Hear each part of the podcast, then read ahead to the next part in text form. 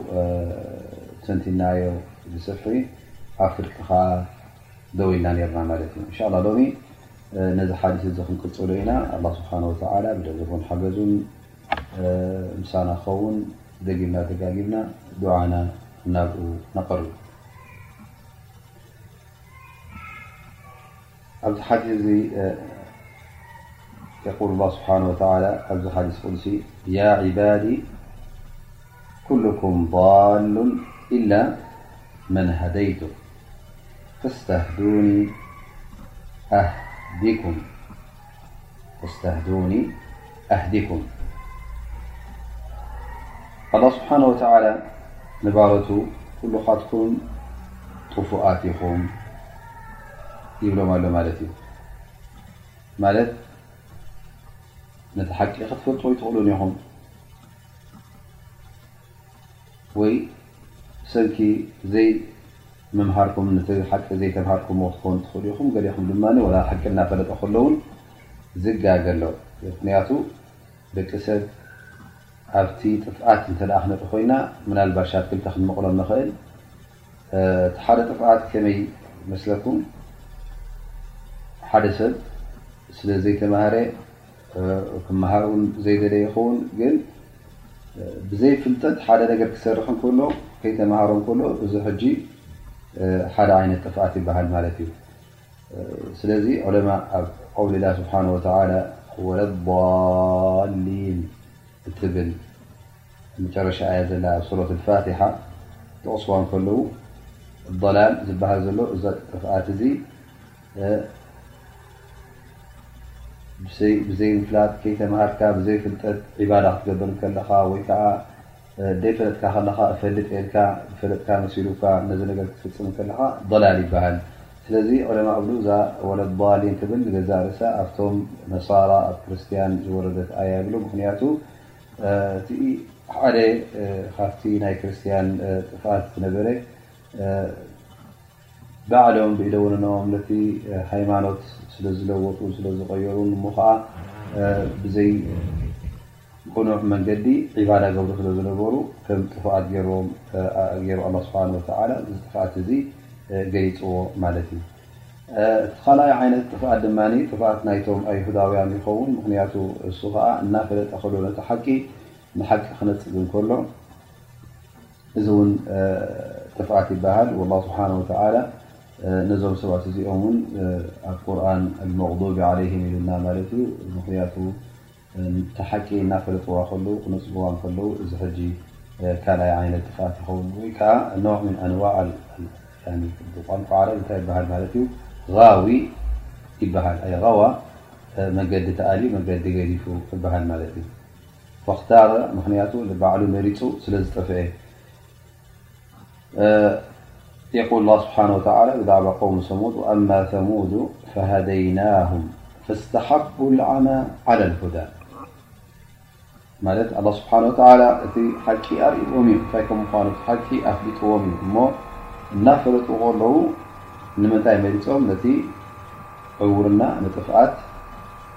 መሪፆም ማለት እዩ ኣብ ክንዲ ሓቂ ኣብ ክንዲ ቅኑዕ መገዲ ኣብ ክንዲ መገዲ ብርሃን ነታ መገዲ ፀልማት መሪፆም ማለት እዩ ፈስተሓቡ ልይ ዓለ ሩሽድ ስለዚ በዚ ክንሪኦ ከለና ደቂ ሰብ ኩሎም እንታይ ዮም ዝሕሰቡ ጥፉኣት እዮም እተ ኣላ ስብሓን ወተላ ዘይሓበሮም ኣየ ናይቲ መንገዲ እተ ዘየፍለጦም በቶም ኣንብያ ገይሩ ብክታበቱ ገይሩ እተ ብዘየፍለጦም ክጠፍኡ እዮም ማለት እዩ እዚ እቲ ቀዳማይ ጥፍኣት ዝበልናዮ ማለት እዩ ብዘይ ምፍላጥ ብሰንኪ ድንቁርናኻ እቲ ጠፍኦ እዚ እውን ጥፍኣት ይኸውን እቲ ካልኣይ ጥፍኣት ድማ ባዕልኻ መሪፅካ ትጠፍኦ እዩ እሱ ከዓ ሓቂ ተዘርጊሑልካ ሓቂ በሪሁልካ ሰብ ነጊሮም ምኳን ከለዉ እምቢታ ሒዝካ ኣነስ ነታ ናይ ቀደም ናይ ኣቦታተይ ዝጸንሐት ንሳ ተሸሚትካ ንዓኣ ትመርጽ ማለት እዩ ከይመመኻ ከይገላለጽካ ተገዲስካ ከይሓሰብካ ማለት እዩ ኢዘን እዚ ድማ እዚ ካልኣይ ጥፍኣት ድማ ኣላ ስብሓን ወተዓላ እንተ ካብኡ ካብዛ ዓዘቕቲ እዚ ዘየውፅኣልካ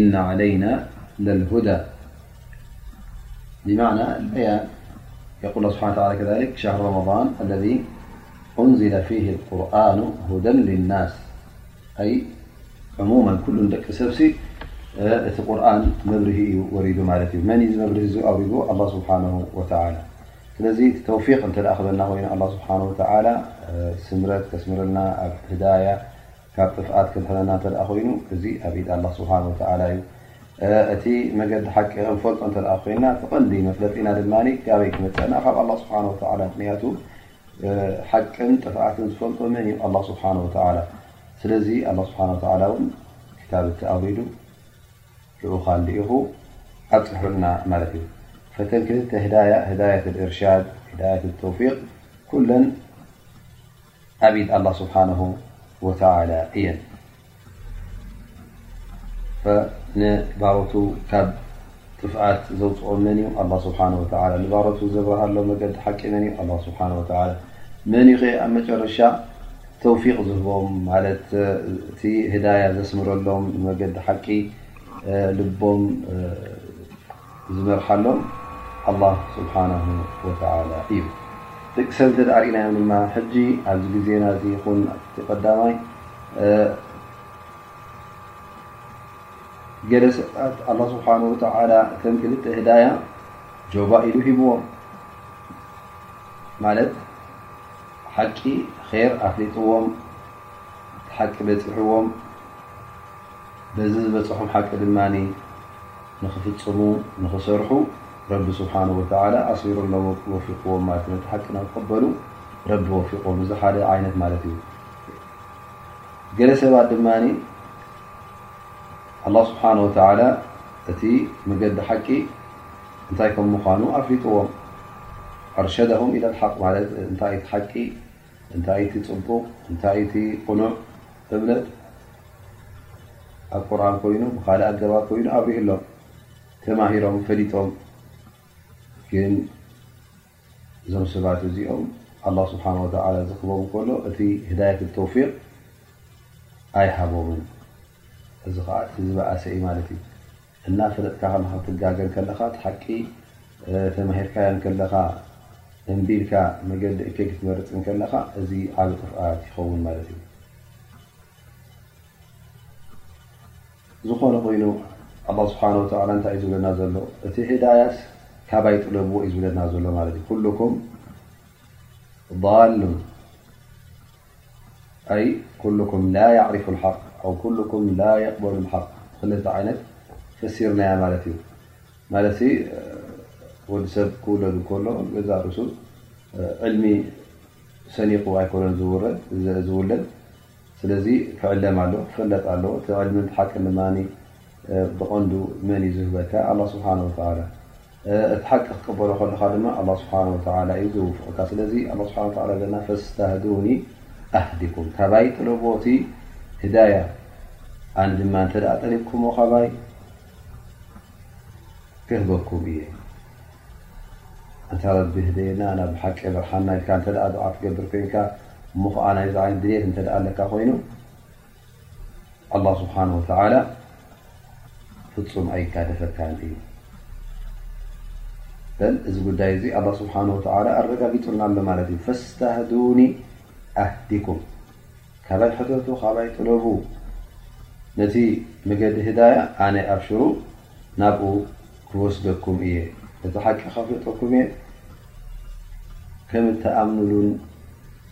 ከም ትቕበልዎን ውን ክገብረኩም እየ ኢለካ ኣሎ ማለት እዩ ግን እዚ ህዳያ እዚ ክትጠልብ ከለኻ ትሓትት ከለኻ ሓቂ ብልብኻ ክኸውን ኣለዎ ማለት እዩ ናብ ኣላ ስብሓን ወተላ ኩሉንትናኻ ወጅህካ ክትጠልብ ኣለካ ማለት እዩ ግን ቀንዲ ሽግር ዘሎ መብዛሕትና ነቲ ዒባዳ ክንፍፅሞ ከለና ማለት እቲ ኣምልኾት ኣላህ ስብሓነ ወተዓላ ዝኣዘዘና ክንፍፅም ከለና እቲ ኣፈፃፅማ ናህና ካብ ልቢ ዝነቐለ ኮይኑ ኣይንረኽቦን ኢና ሓንሳእ ሓንሳእ ከም ልምዲ ጌርና ንወስዶ ማለት እዩ ንሓደ ነገር ነቲ ሰላት ኮይኑ ንጾም ኮይኑ ነቲ ረቢ ዝፈትዎ ነገራት ብጣዕሚ ስምዒት ናቱስ ኣብ ልብና ኣይፀጠናን እዩ ግን ከም ጉቡእ እንተ ናይ ብሓቂ ድልት ኣለና ኮይኑ እሞ ከዓ ኣ ስብሓ ድልትና ከስምረልና እ እተ ኮይና ናብ ኣላ ስብሓ ክንቀርብ ከለና ህዳያ ክንጠልብ ከለና ብልባዊ ኣቀራርባ ክኸውን ኣሎ ኣትሪርና ክንሓትት ኣለና ማለት እዩ ወዲ ሰብ ኩሉ ግዜ ያረቢ ኣቕፊርሊ ኣርሓምኒ እህዲኒ ኢልና ድዓ ንገብር ኢና በል ኣብ ቁርን እውን ዝቀርእ ከለካ ኣብ ሱረት ፋትሓ ኣብ ሰላትካ ይኹን እህዲና ስራጣ ልሙስተቂም ስራጣ ለዚነ ኣንዓምተ ዓለይህም ኢልካ ድዓ ውን ትገብር ኢኻ እቲ ህዳያ ኣገዳስነት ስለ ዘለዎ ውን ኣላ ስብሓን ወተላ ኣብዛኣ ሱራ እዚኣ ኣስፊርዎ ግን እቲ ልብኻ እዚ ድዓ እዚ ክትገብር ከለኻ ምሳኻ ዶ ኣሎ የለን ብሓቂ ህዳያ ካብ ኣላ ስብሓን ወተላ ትጠልብ ዶ ኣለኻስ የለኻን ምክንያቱ መብዛሕትና እቶም ንሰግድ ዘለና ክትሰግድ ከለኻ እቲ ዝሰጋገዳና ዓ ዝሰጋገዳና ቴክ ንሪኦ ከለና ሓሳባትካ ኣብ ስራሕካ ኣብ ገዛኻ ሓንጎልካ የማን ፀጋም ዓይንኻ በትን በትን ክጥምት እቲ ሰላት ከም ጉቡእ ገርና ንሰጉዶ ኣለና እቲ ድዓ ውን ከም ጉቡእ ገርና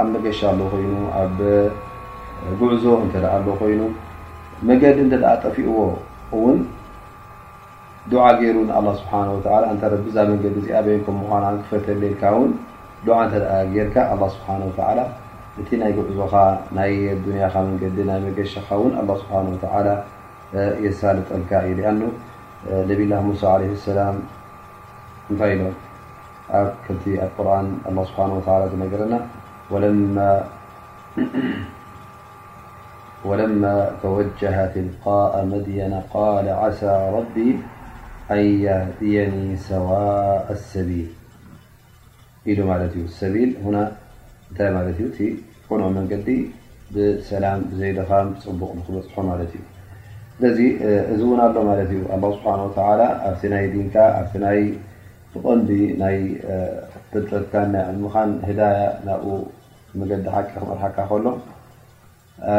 ኣብቲ ዱንያኻ ውን ጉዕዞታት እንተ ኣለካ ኮይኑ ንሱ ዩ ንመገዲ ቕኑዕ መገዲ ዝመርሓካ እንተ እቲ መገዲ ጠፊኡካ ውን ንሱ ዩ መገዲ ዝኸፍተልካ ምናልባሽ ኣብ መገሻ ክትገይሽ ከለካ ውን ክጠፍእ ትኽእል ኢኻ መገዲ ክጠፍኣካ ይኽእል እዩ ማለት እዩ ብድሕርዚ ነቢና ሙሓመድ ለ ላ ለ ወሰለም حيث يقول الله سبحانه وتعالى يا عبادي كلكم جائع إلمأعميا عبادي كلكم جائع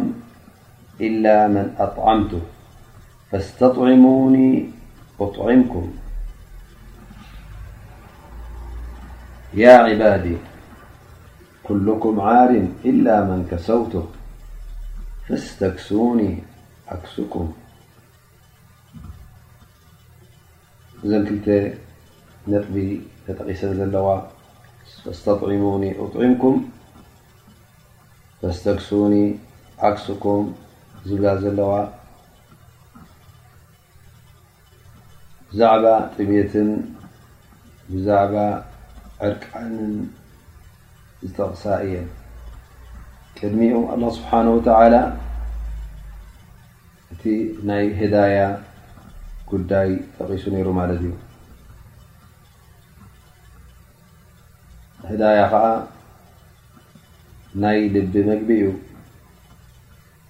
ናይ ልቢ ክዳን እዩ ናይ ልቢ ፅጋብ እዩ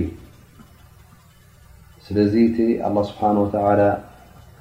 ኣቀዲሙ ዝጠቀሶ ብዛዕባ ፍልጠትን ብዛዕባ ኢማንን እቲ ብኣካያዳትካን ብስራሓትካን እትርእዮ ናይ ኢማን ናይ ህዳያ ጠቒሱ ሕጂ እነሀ ኣላ ስብሓን ወተላ ድማ ኣብቲ ናይ ግዳማዊ ዘድልየካ ናይ ከብድኻን ናይ ዝባንካን ዝሽፍነልካ ነገር እውን ኣላ ስብሓን ወተላ ሒዝዎ ከም ዘሎ ይሕብረካ ኣሎ ማለት እዩ ምክንያቱ መግብን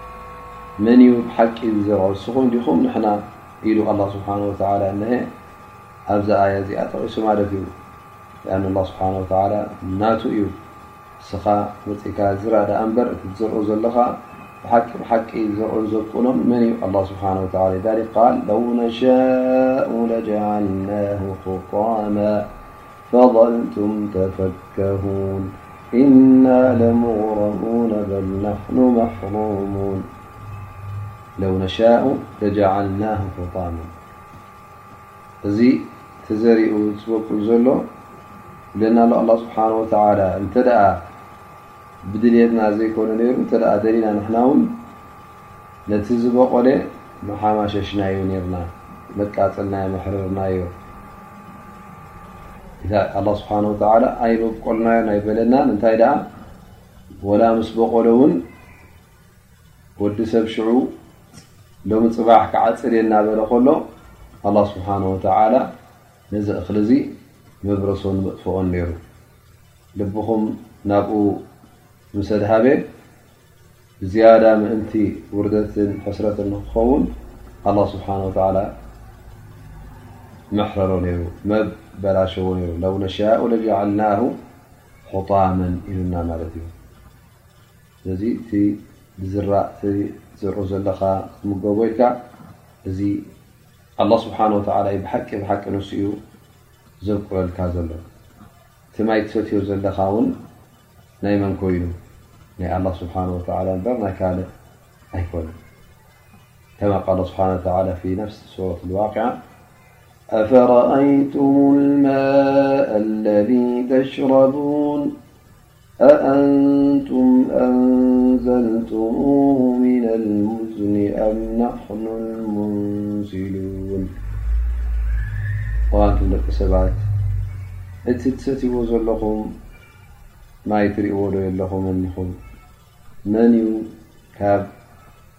ሰማይ ወይ ከኣ ካብ ደበና ኣውሪዱልኩም ንስኹም ዲኹም ንሕና ስለዚ እዚ ማይ እዚ መን እዩ ኣላ ስብሓን ወተላ ይውርደልካ እዩ ዘሎ ወሪዱ እዚ ማይ እዚ ገሊኡ ውሓዚ ኮይኑ ይውሕዝ ገሊኡ መሬት ኣብ ዝባና ኮይኑ ኣብ ውሽጣ ውን ተዓቕሮ እዚ ማይ እዚ እውን ኣላህ ስብሓነሁ ወተዓላ ሱቕ ኢሉ ፈሲሱ ከም ዝጠፍእ ኣይገበሮን። እንታይ ደኣ ኣብታ መሬት እውን ክእከብ ከም ዝእከብ ገይርዎ። ኣብ ውሽጢ እቲ መሬት ኣብ ከብዲ መሬት እውን ይሕሎ። ምኽንያቱ እንተደኣ ኣብ ዝባን መሬት ፀኒሑ ቀልጢፉ ብጸሓይ ይሃፍፍ፣ ይበላሾ፣ በብዓይነቱ ርስሓት ይኣትዎ፣ ይረስሕ፣ ይጨኑ። ግን እዚ ማይ እዚ ኣላህ ስብሓነ ወተዓላ ኣብ ከብዲ መሬት ከም ዝሕሎ ገይርዎ ማለት እዩ። ተኣኪቡ ጸኒሑ ኩዒትካ ትረኽቦ።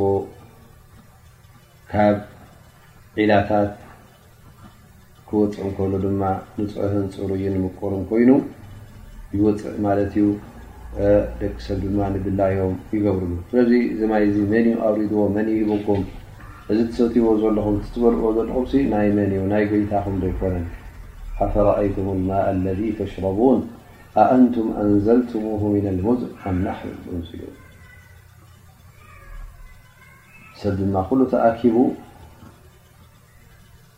ናይ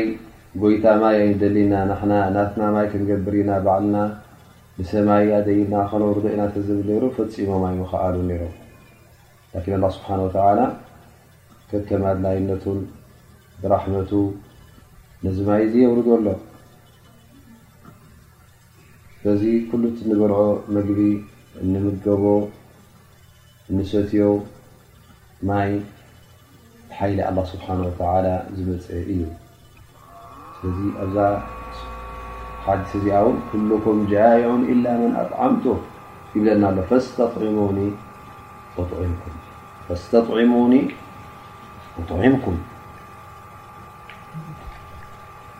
ካባይ ሕተቱ ርዝቅኹም ካባይ ሕተቱ ሽሻይኩም ኣነ ውን ክብኩም እየ ኣነ ውን ክዕንግለኩም እየ እቲ ካብ ኣላ ስብሓን ወተላ ምሕታት ከመይ ይኸውን ቀዳማይ ነገር ብቃል ይኸውን ስተጥዒሙኒ ማለት ካባይ ሕቶ ተክብለና ከሎ ቃልና ድዓ ገርና ኣንታ ረቢ ታ ጎይታና ርዘቐና ሽሻይ ሃበና ሽሻይ ኣውርደልና ኢልካ ዱዓ ክትገብር ኣለካ ማለት እዩ ምክንያቱ እዚ እንታይ እዩ ዘርኢ ዘሎ ናይ ኣላ ስብሓን ወተላ ከም ምኳኑ ብዓብ እዩ እቲ ሽሻይ እዚ ብቃልካ ብመልሓስካ እትብሎ እዩ ካልእ ሸነክ ድማ ኣሎ ብተግባር ክትገብሮ ዘለካ ብተግባር ክትሪኦ ዘለካ ምእንቲ ሽሻይ ኣላ ርዝቂ ኣላ ንክንተ ክትረክብ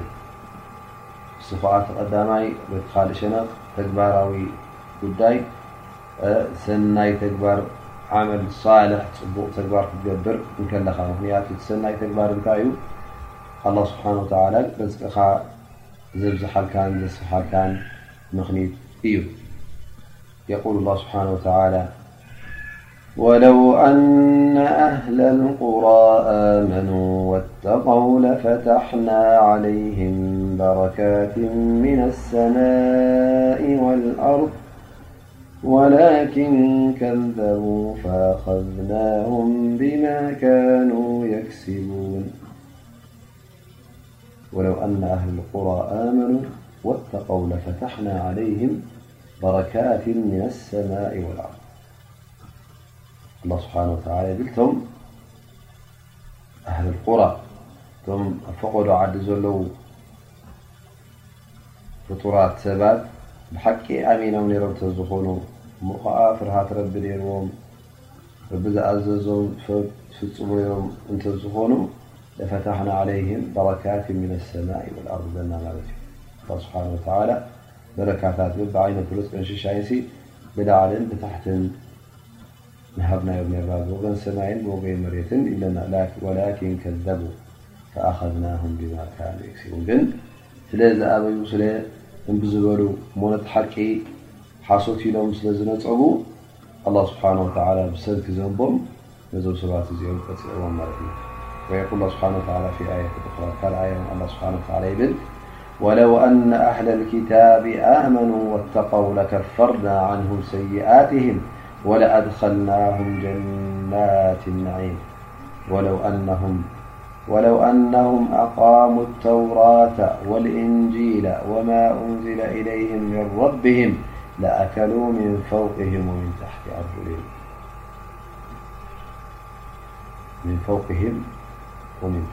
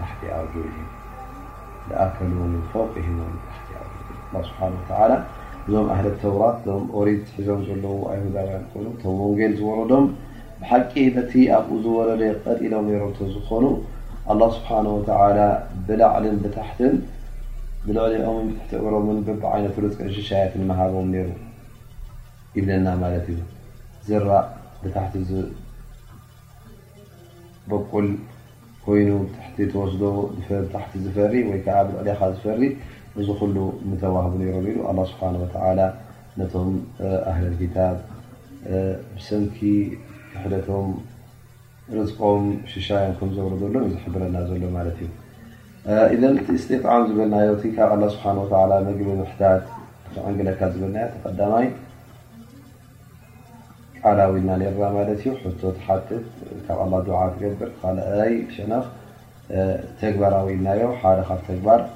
ዓመል ሳልሕ ፅቡቕ ረቢ ዝፈትወ ስራሕ ክትሰርሕ እንከለኻ ከምኡ ውን ብኻልእ ሸነኽ ውን ክንርስዖ ዘይብልና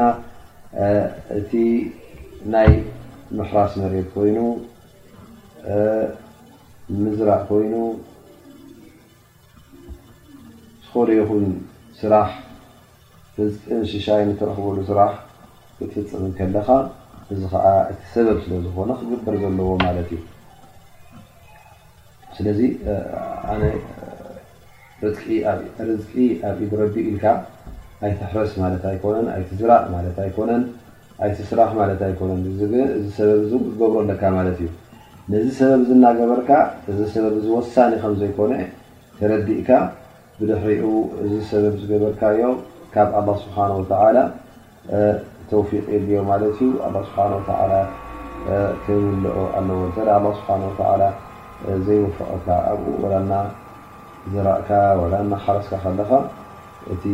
ሽሻይ እውን ዘይመፀሉ ምኽንያት ክህሉ ይኽእል እዩ ማለት እዩ። ስለዚ እቲ ናይ ተግባራዊ ኮይኑ ናይ ቃላዊ ኮይኑ ናይ ተግባራዊ ሰናይ ተግባር ኮይኑ ናይ ኣስባብ ጠንቅታት ናይ ርዝቂ ምድላይ ክገብር እዚ ኣድላይ ይኸውን። በዚ ከዓ ብሓቂ ካብ ኣላህ ስብሓነሁ ወተዓላ ደሊኻ ትበሃል ማለት እዩ።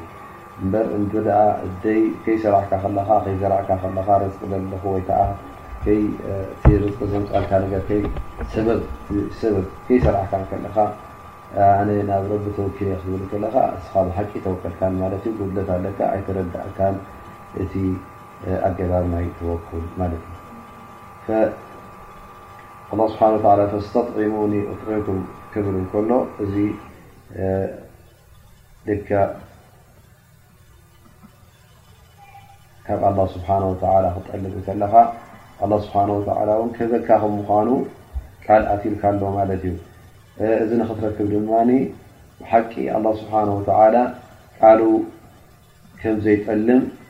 ናይ ብሓቂ እምነት ክህልወካ ኣለዎ ምክንያቱ ሀዛ ምን ባብ እሕሳን ኣልظን ቢላህ ምክንያቱ ሓደ ነገር ክትፍፅም ከለካ እንተ ትጠራጠር ኣለካ ኮይንካ ኣላህ ስብሓን ወተዓላ እዚኣስ የስምረለይ ድዩ ኣየስምረለይን ይገብረለይ ድዩ ኢልካ እንተ ብኣላህ ስብሓን ወተዓላ ተኣማንነት ዘይብልካ እዚ ዓብዪ ጉድለት ኣለካ ማለት እዩ እቲ ትደልዮ ዘለካ እውን ክትረክቦ ኣይክትረክቦን ክትበፅሖን ኣይትኽእልን ኢኻ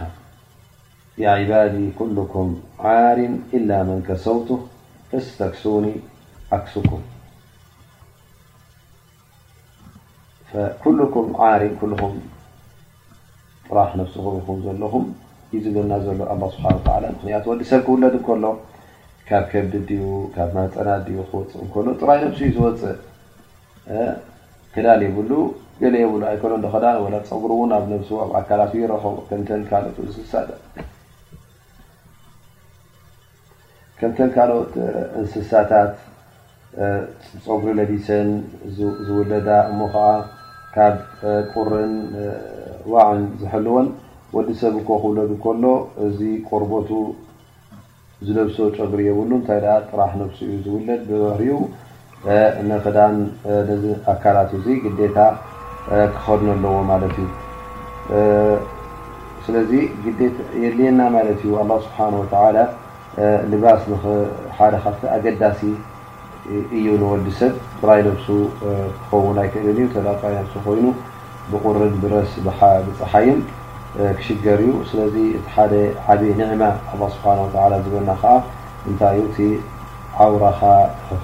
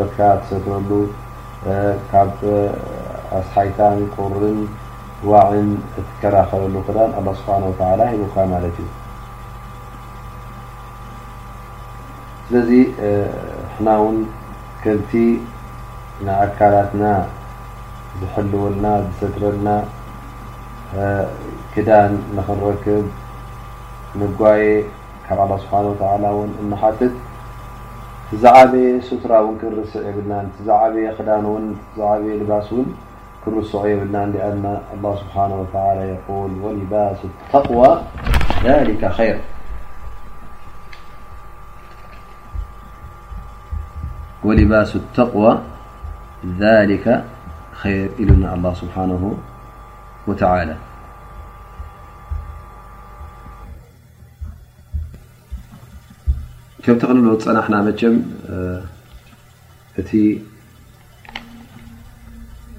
ክዳን ወዲ ሰብ ውን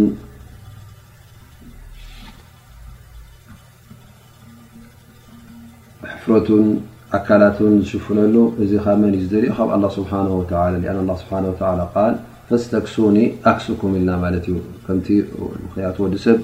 ክውለድ እንከሎ ጥራይ ነብሲ እዩ ዝውለድ ወላ እውን ከምተንካልኦት እንስሳታት ውን ፀጉሪ ለቢሱ ኣይውለድን እዩ ምክንያቱ ኣላ ስብሓን ወተላ ተፈጣጥራና ትርበይዱ ገይርዎ ተ እንስሳታት ድማ ፀውሩ ገይሩለን ካብ ቁርን ፀሓይን ዝከላኸለለን ወዲ ሰብ ግን ግዴታ ካብ ኣካላቱ ፍሉይ ዝኾነ ክዳን ክክደን ኣለዎ ምእንቲ ሕፍረቱን ክሽፍን ዓውራናቱ ክሽፍን ከምኡውን ካብ ቁርን ኣስሓይታን ካብ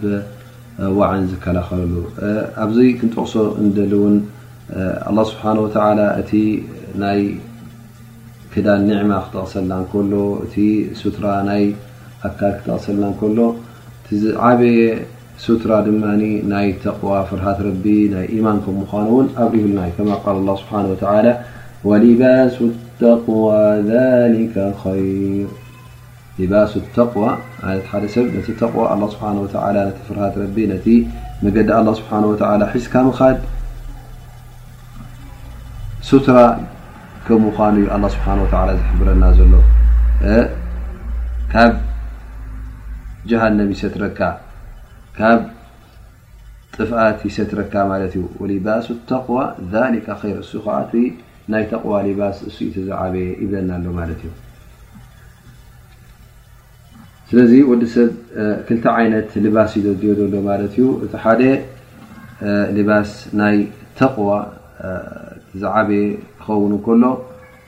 እቲ ሓደ ድማ እንታይ ይኸውን ማለት እዩ እቲ ናይ ኣካል እትለብሶ ሊባስ ይኸውን እቲ ናይ ኣካል እትለብሶ ልባስ ይኸውን ፅቡቀሉ ድምፂ ክቡራት ኣሕዋት እቲ ዓመል ሳልሕ ዝበልናዮ ሰናይ ስራሕ ዝበልናዮ እውን ዓቢ ሊባስ ከም ምዃኑ ተረዲእና ማለት እዩ። ኣላህ ስብሓን ወተዓላ እቲ ናይ ክዳን እውን ካብ ረቢ ትደልዮ ሽሻይ ከም ምኳኑ ርፅቂ ከም ምኳኑ ክንርስዕ ከም ዘይብልና እዩ ዝሕብረና ዘሎ ማለት እዩ ምናልባሽ ኣብዚ ግዜና ወይ ከዓ ኣብ ፍሉይ ቦታታት መብዝሕቱ ሰብ ዘለዎ ሕጂ ብዛዕባ ናይ ክዳን ዝተፈላለዩ ክዳውንቲ በቢዓይነቱ እዚ ዘይባሃል ሰለስተ ኣርባዕተ ኣርማድዮ ኣብ ሓደ ገዛ መሊኡ ዓሰርተ ኣፉ ክዓ ሓሙሽተ ኣፉ ሽዱሽተ ኣፉ ዝኾነ ኣርማድዮታት ወይ ከዓ ከብሕታት መሊእካ ክዳውንቲ እዚ ንዕማ እዚ ገለ ሰባት ዘይፍለጦም ኣሎ ኣብ ዓዲ ሃፍቲ ስለ ዘለዎ ላኪን ኣለዉ ሰባት ነዚ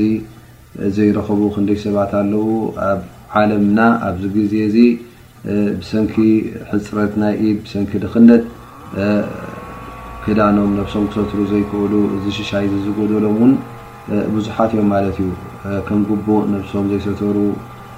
ነዚ ሽሻይ እዚ እውን ዘይፈልጡ እውን ኣብዚ ዓለም እዚ ከም ዘለዉ ክንርስዕ የብልናን ማለት እዩ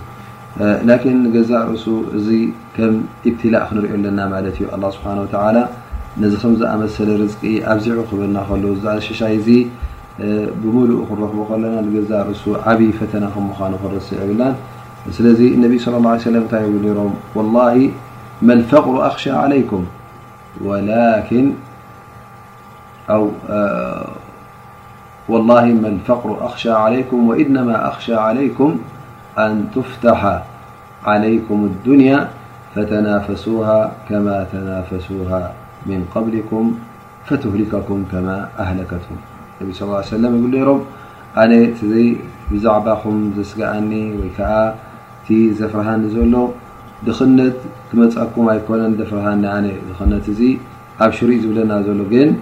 እዱንያ እንተ ተኸፊታትልኩም እሞ ኸዓ ኣላ ስብሓን ወተላ በብ ዓይነት ሽሻይን ርፅቀ እተ ሂቡኩም ሽዑ ዩ ንዓይ ዘስጋኣንን ዘፍርሃንን ትብል ይብሉ ነቢና ሓመድ ስ ሰለም ምክንያቱ እዚ ዓብ ብትላእ ስለ ዝኾነ ልብኹም ብዝያዳ ናብ ኣዱንያ ከይዱ ደድሕሪኣ ከምቶም ቅድሜኹም ዝነበሩ ዝጓዩ ዝነበሩ ንስኹም ውን ከምኦም ከይትጓየዩላ ሙናፈሳ ውድድር ንኸይትገብርዋ እዩ ዘፍርሃኒ ዘሎ ከምቶም ቶም ቅድሜኹም ዝነበሩ ብሰንኪ እዛ ኣዱንያ እዚኣ ተታሊሎም ዝጠፍኡ ከምኦም ከይትሃልቁ ከምኦም ከይትጠፍኡ እዩ ዘፍርሃኒ ዘሎ ኢሎም ነቢና ሙሓመድ ስ ሰለም ምክንያቱ ማል ርዝቂ ሽሻይ ንገዛእ ርእሱ ዓብዪ በላ ዓብዪ ፈተና እዩ ወዲ ሰብ እውን እንተ ረቢ ብዙሕ ርዝቂ ሂብዎ ነዚ ርዝቂ እዚ ከመስግን ኣለዎ ኣገባብ ናይ ምስጋና እውን ክፈልጥ ኣለዎ ማለት እዩ ገዛእ ርእሱ ሰብሪ የድልዮ እዚ ነገር እዚ ከምቲ ድኻ ኣብ ድኽነቱ ኣብቲ ወሪዮ ዘሎ ሰብሪ ዝገብር ትዕግስ እቲ ሃብቲ እውን ትዕግስቲ የድልዮ እዩ ትዕግስቲ ናቱ ከዓ ክተመስግን ከለኻ በቲ ረቢ ዝሓበረካ ክትከይድ ከለኻ ከምቲ ኣላ ስብሓን ወተዓላ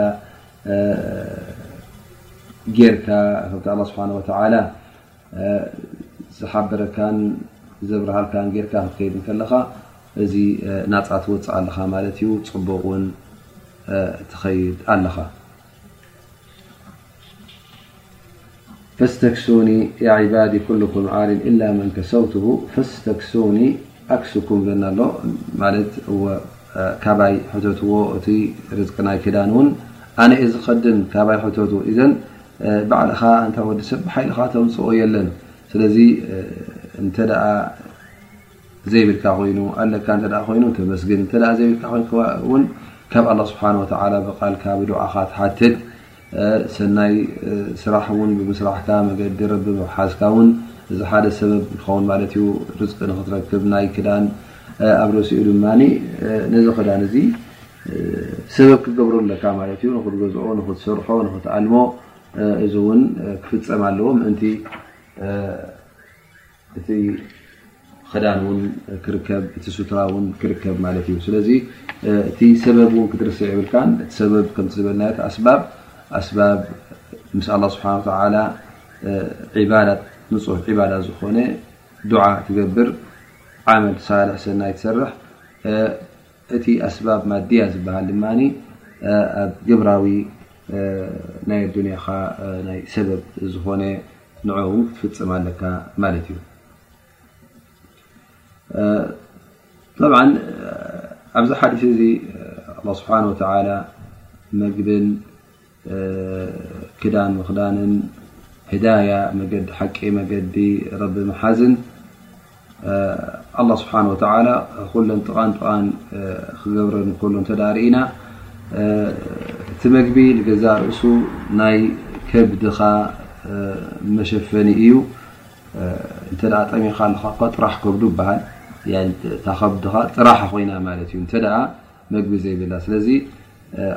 ኣብዚኣ ምግቢ ናይ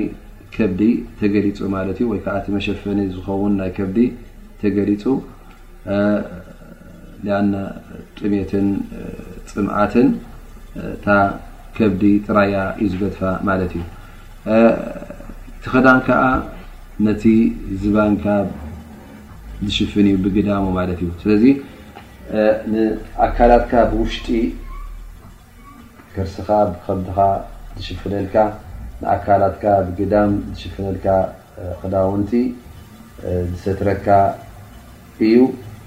እቲ ህዳያ ዝበልናዮ ከኣ እቲ መገዲ ሓቂ ሒዝካ ምኻድ ከኣ እቲ ዝዓበየ ሱትራ እዩ። ሱትራ ናይ ልቢ፣ ሱትራ ናይ ነፍስኻ ካብቲ ካብ ምንታይ ካብቲ ናይ ዘንብታት። ካብቲ ናይ ገበናት ዝሽፍነልካን ዝሐልወካን እዩ እሱ ከዓ ተቕዋ ክህልወካ እንከሎ ማለት እዩ በይደን ትቐንዲ ነጥቢ ተጠቒሱ ዘሎ ንሕናስ ግዴታ ናብ ረብና ናብ ጎይታና ክንውጃሃ ኣለና እቲ ርዝቅን ሽሽሻይን ኣብ ቀረባ ተጸናሓና ባዕልና ብክእለትና ብፍልጠትና ዘምጻናዮ ከይመስለና ወላ ውን ኣብዚ ጠባን ዘለናዮ ግዜ ሕጂ እቲ ናይ ቴክኖሎጂ ኮይኑ ናይ ፍልጠት ናይ ናይ ሳይንስ ናይ ስነ ፍልጠታት እናማዕበለ ይኸይድ ስለ ዘሎ ገለ ሰባት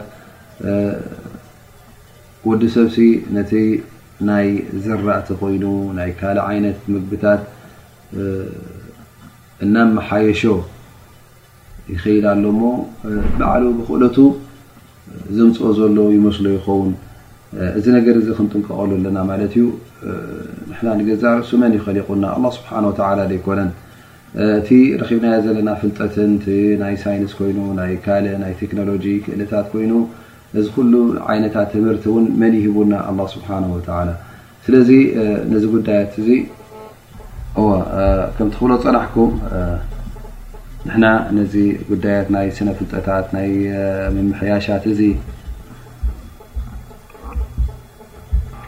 ኣቁሉ ቀውሊ ሃዛ